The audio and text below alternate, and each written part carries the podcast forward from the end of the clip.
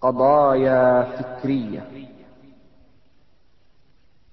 السلام عليكم ورحمة الله. هذا السؤال كأنه غريب يعني عم يقول هذا. ما عرف له الحضارة والمدنية؟ قال ما هي الحضارة؟ أنه اليوم دائما المحدثون والخطباء والكتاب أنه نمشي في ركب الحضارة والحضارة المعاصرة ومدري إيش. قال هذا ما هي الحضارة؟ اليوم بالأصل الحض... أصل معنى الكلمة الحضارة تقابل البداوة. يعني في عنا بدوي يسكن في خيمته آه، ينتقل من مكان إلى مكان ما يستقر في مكان. وفي عندنا من يسكن في بناء بدلا من الخيمة ويستقر في بلد. يعني بدلا من أن ينتقل يتبع الكلى ويقصد مواطن المطر هذا الفرق أصل معنى الكلام الحضارة.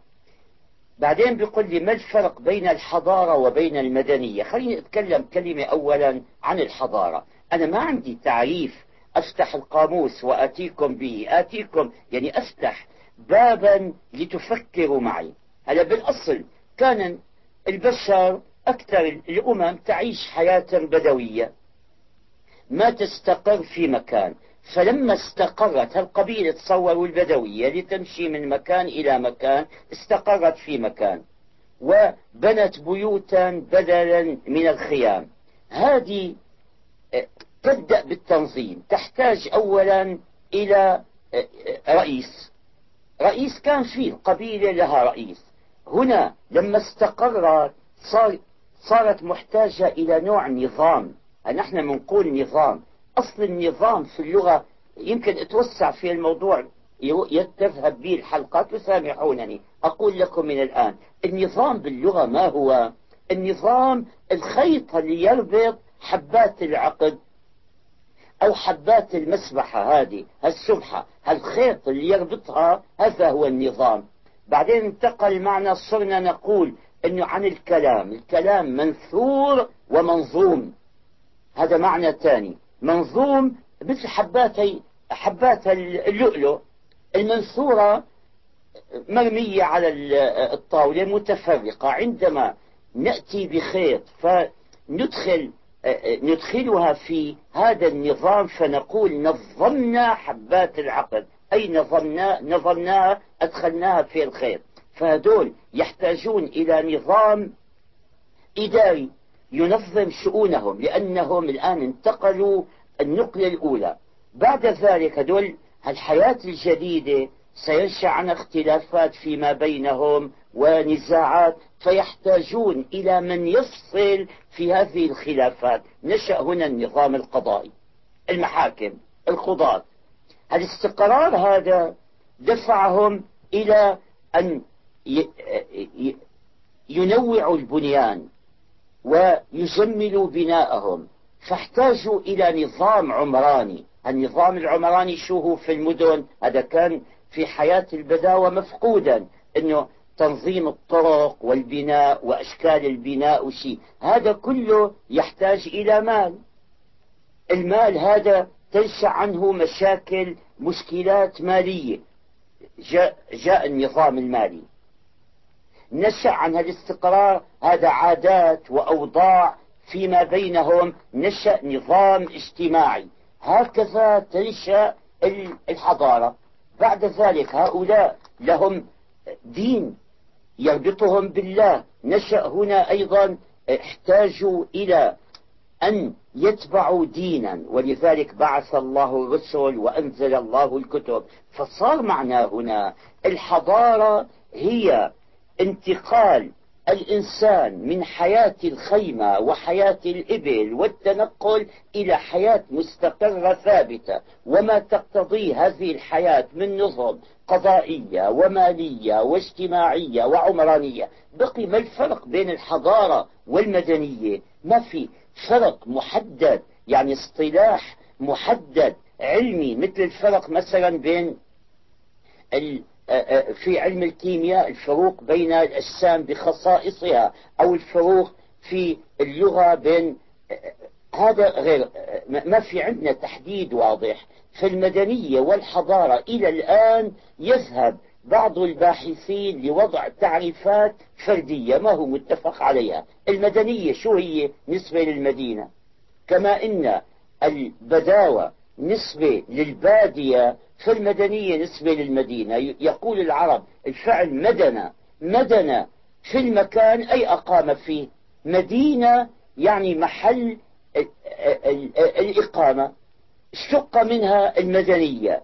قالوا بعدين التمدن أو التمدين. فصار خلاصة الكلام من هذا النتيجة من هذا الكلام الطويل الذي قلت أنه ليس هنالك تحديد يعني متفق عليه أو اصطلاح عام للتفريق بين الحضارة وبين المدنية. نعم.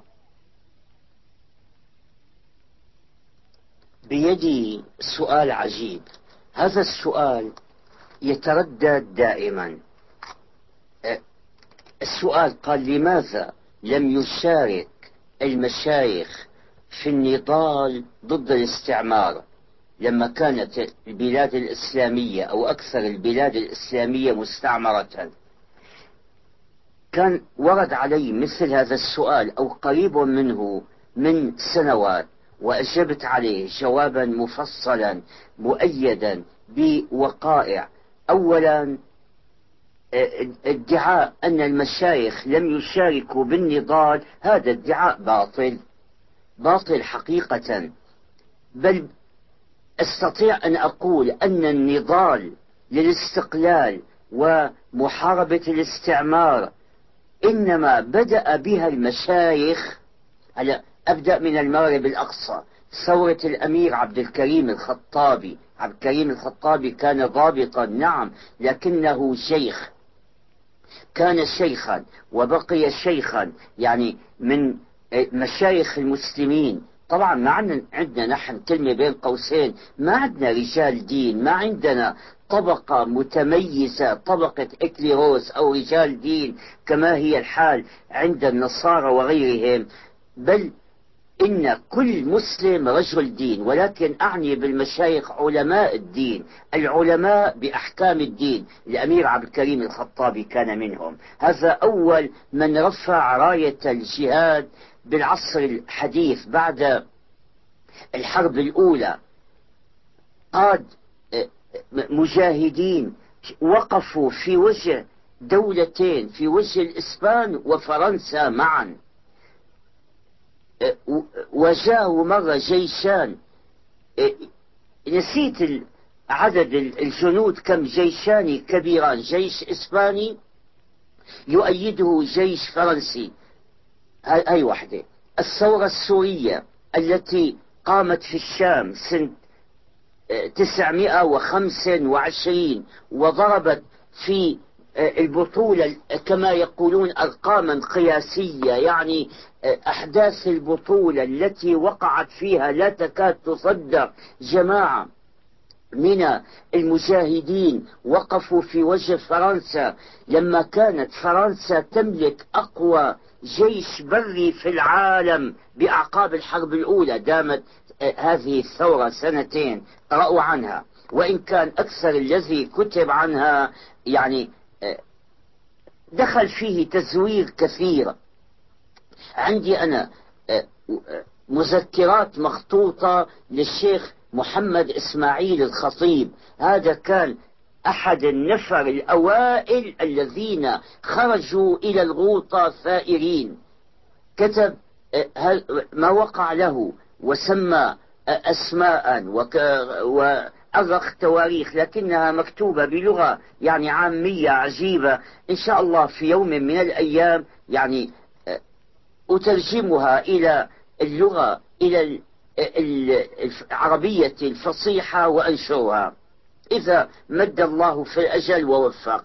طيب ثورة الجهاد الجزائر النضال الذي أوصل الجزائر إلى الاستقلال من الذي قام به؟ كان عماد هذا النضال جمعية العلماء الشيخ ابن باديس والشيخ البشير الإبراهيمي الذي خلفه ومن كان معهما ومن عاونهما والذين يعني تولوا قيادة المجاهدين في الجزائر تخرجوا في هذه الكتاتيب القرآنية عند ابن باديس.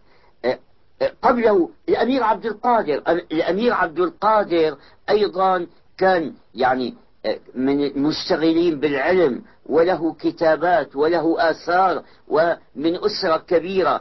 في فلسطين من أول من رفع راية النضال راية الجهاد ووقف أمام المستعمرين وأمام هؤلاء اليهود الضالين المضلين الغاصبين شيخ القسام شيخ عز الدين, عز الدين القسام. هذا من جبلة في الساحل السوري. له قرأوا تاريخه قبل ذلك أحمد بن عرفان الذي قام بالثورة على الإنجليز ودحر الجيو الحملات التي أخرجوها لقتاله واستعانوا بالسيف في البيجان فغلبهم.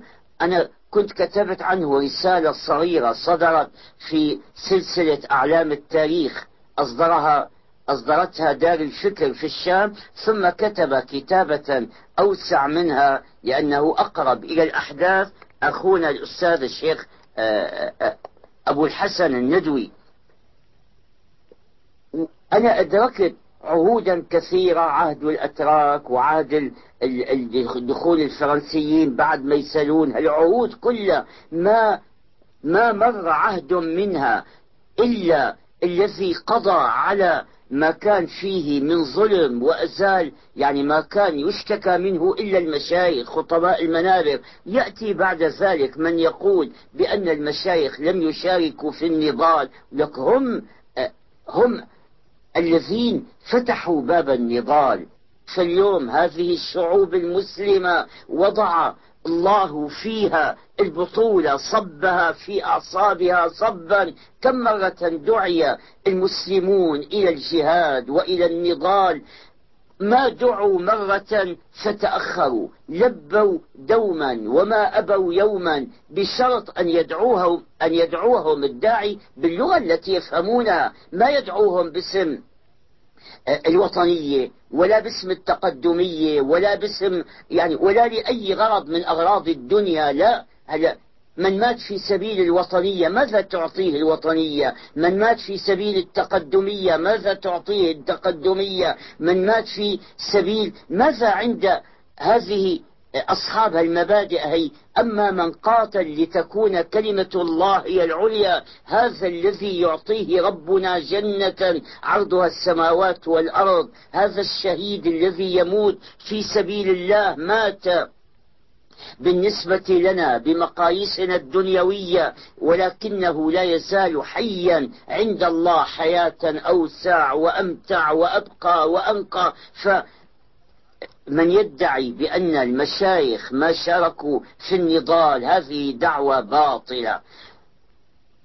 ولا يزال إلى الآن يعني لا يزال آه، لواء الجهاد بأيدي المسلمين في كل بلد من البلدان وما دام المجاهدون يجاهدون لإعلاء كلمة الله وابتغاء ثواب الله فإنهم منصورون. ولو تأخر النصر فإنه سيأتي العاقبة للمتقين. ليست العاقبة للمبطلين ولا للملحدين ولا للظالمين ولا لليهود الغاصبين ولا لأمثالهم من المتسلطين. العاقبة للتقوى ولأهل التقوى. هذا وعد الله.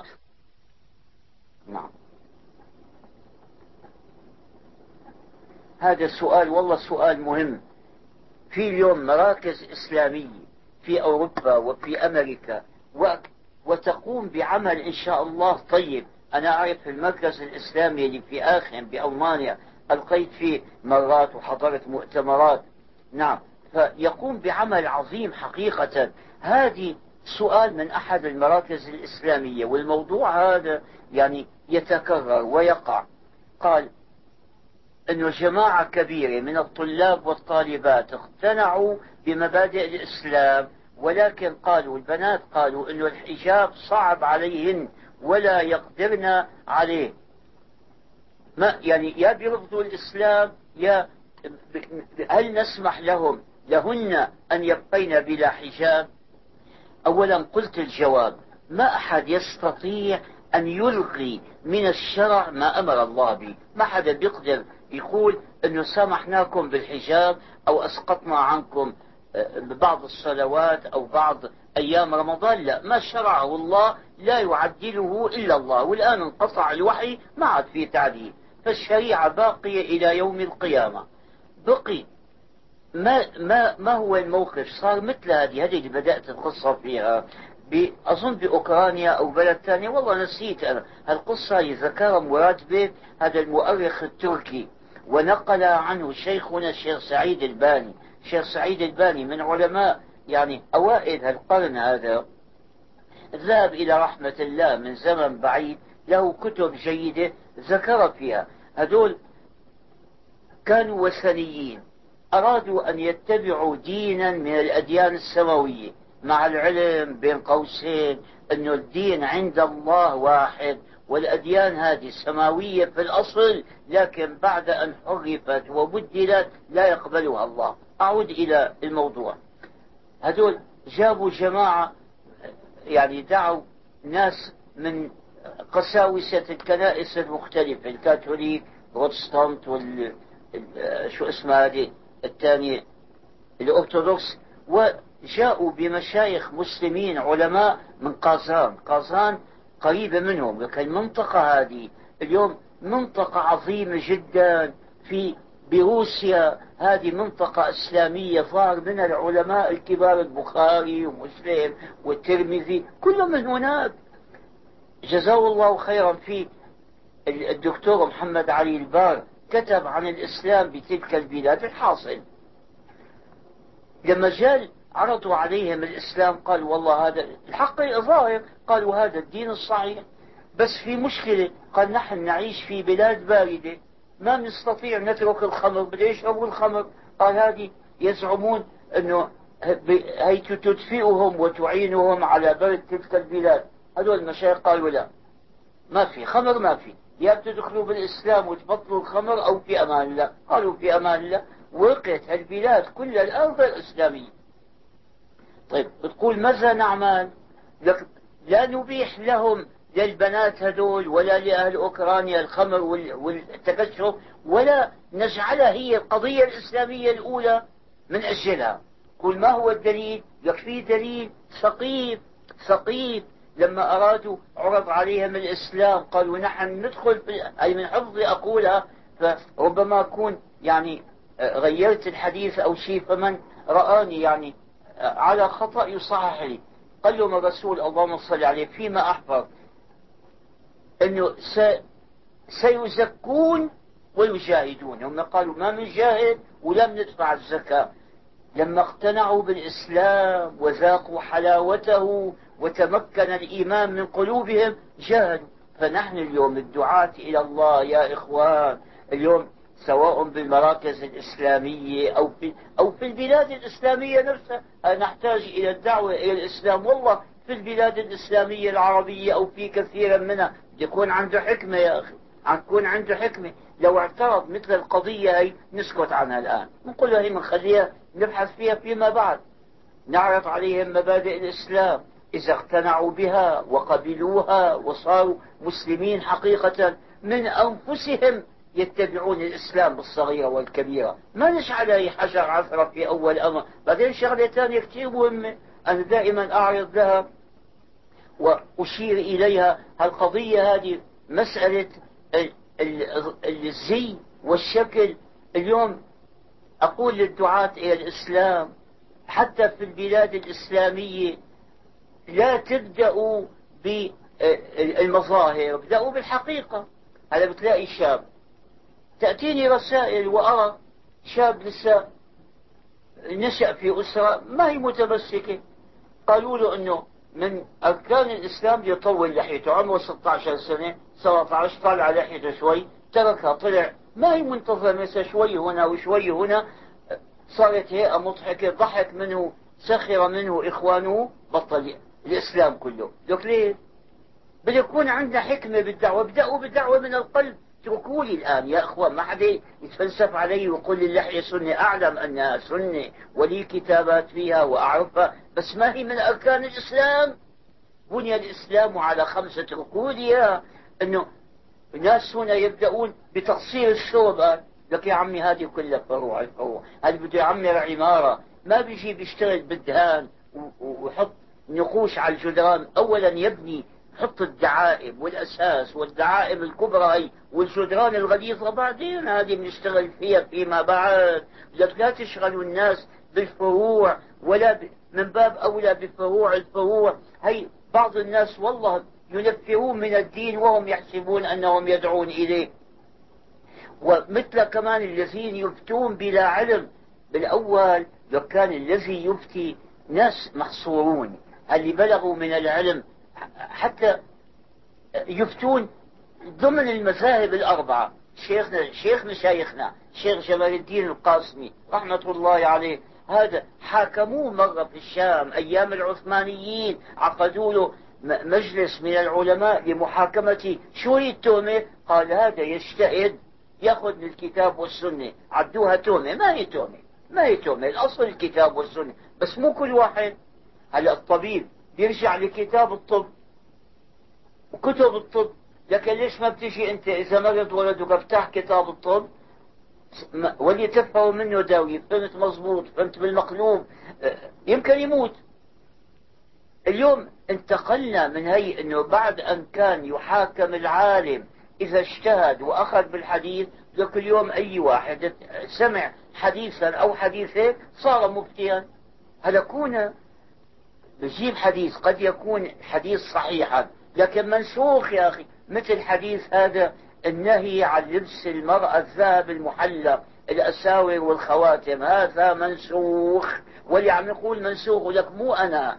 أنا ما تسمعوا مني. هل يقول ابن حجر شيخ المحدثين بفتح الباري وغيره من المحدثين وفقهاء المذاهب الأربعة والأئمة أنه هذا منسوخ بحديث على سبيل المثال جبت الذهب والحرير حرام على رجال أمتي حلال للنساء حلال للنساء سواء كان محلقا على شكل حلقة أو حلال. بيجي واحد يتمسك بحديث إذا ما كان منسوخا قد يكون معارضا. في أحاديث ثانية واردة لأنه الأحاديث الرسول عليه الصلاة والسلام يا أيها الإخوان ما ينطق عن الهوى نعم وكل ما يقوله دين لكن أحيانا يكون الحديث علاج لحالة مؤقتة علاج علاج يعني مؤقت ما هو حكم دائم في أحكام دائمة وأحكام. طيب كيف نعرف؟ ارجعوا للفقه. لو ترك الناس اليوم المذاهب ارجعوا للفقه. أي مذهب من المذاهب الأربعة؟ وما أقول أن أئمة الفقه معصومين لا أبو حنيفة معصوم ولا مالك ولا الشافعي ولا أحمد ما هم معصومين؟ لكن أعلم منا واشتغلوا وقرروا أحكاما 1200 سنة كتب هذه كلها مؤلفة نامية كلها مثل يترك السيارات.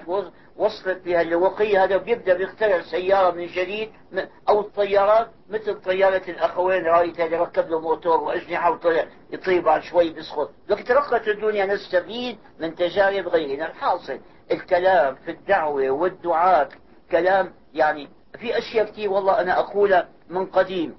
كتب أخونا جزاه الله خيرا الشيخ الغزالي. نشرها في كتاب أخيرا. كل هذا يعني هو أفضل وأعلم. أنا أسن منه فكنت قبل كل أقول هذه نحتاج إلى من يقوم طريق الدعاة. بعض التقويم ما أقول أنهم على خطأ أستغفر الله. هذا هي رسالة طويلة. والإمضى مواطن عربي أصيل. هذا ينتقد علي يعني سب وشتم لي. أنا أقرأ. وكثيرا ما يسمع مني المشاهدون الرأي بأحاديثي بالتلفزيون. تجيني رسالة كلها سب وشتم. والله ما تهتز شعرة واحدة في جسدي. وأقرأ الشتم الوارد علي كما أقرأ يعني هجاء الأخطل وجرير والفرس. ما له علاقة فيه. فهذا يشتمني لأنني أنكرت مرة على من يقرن يقول الاستعمار العثماني ويقرنه بالاستعمار الفرنسي أو الإنجليزي. وكاتب لي كلام مما تلقنه عن أساتذته القوميين. حتى بيقول في الأخير هنا ولو خيروني بالتفضيل بين العربي غير المسلم والمسلم غير العربي أفضل العربي غير المسلم. طيب أنت أنت وما تفضل والله حر هلا في ناس يفضلون السم على الدواء بس أما الحق والإسلام ففي غير ما تقول. إذا كنت مسلما في أمور الإسلام ألزمنا الالتزام بها. هلا الرابطة بين المسلمين ما هي العربية؟ وإنما ولا التركية ولا الفارسية ولا أي آه، جنسية أخرى وإنما هي رابطة الإيمان. الله قال إنما المؤمنون إخوة. ما قال إنما العرب ولا قال إنما الفرس.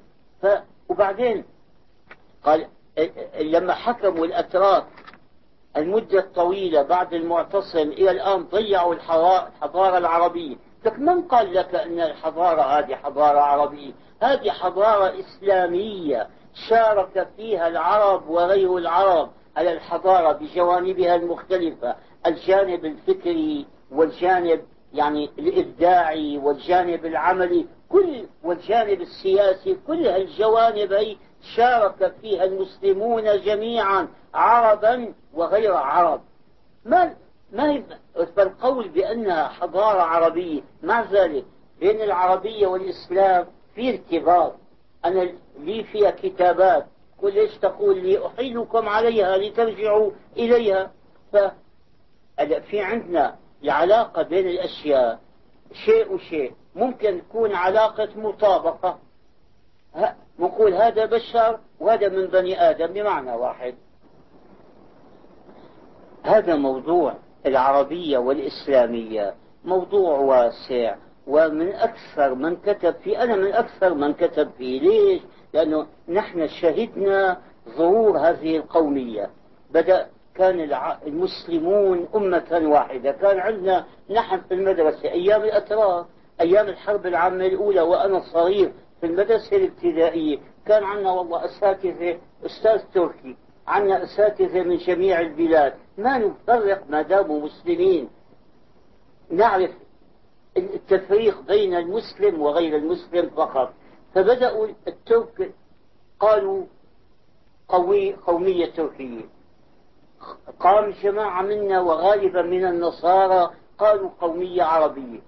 قال الأكراد قومية كردية الأمة الواحدة صارت جمعية أمم وبعض الناس أخذوا هذه يعني دعوة القومية العربية ولا أنسابهم تتصل بالعرب ولا ثبت أنهم من العرب ولا يحسنون لغة العرب.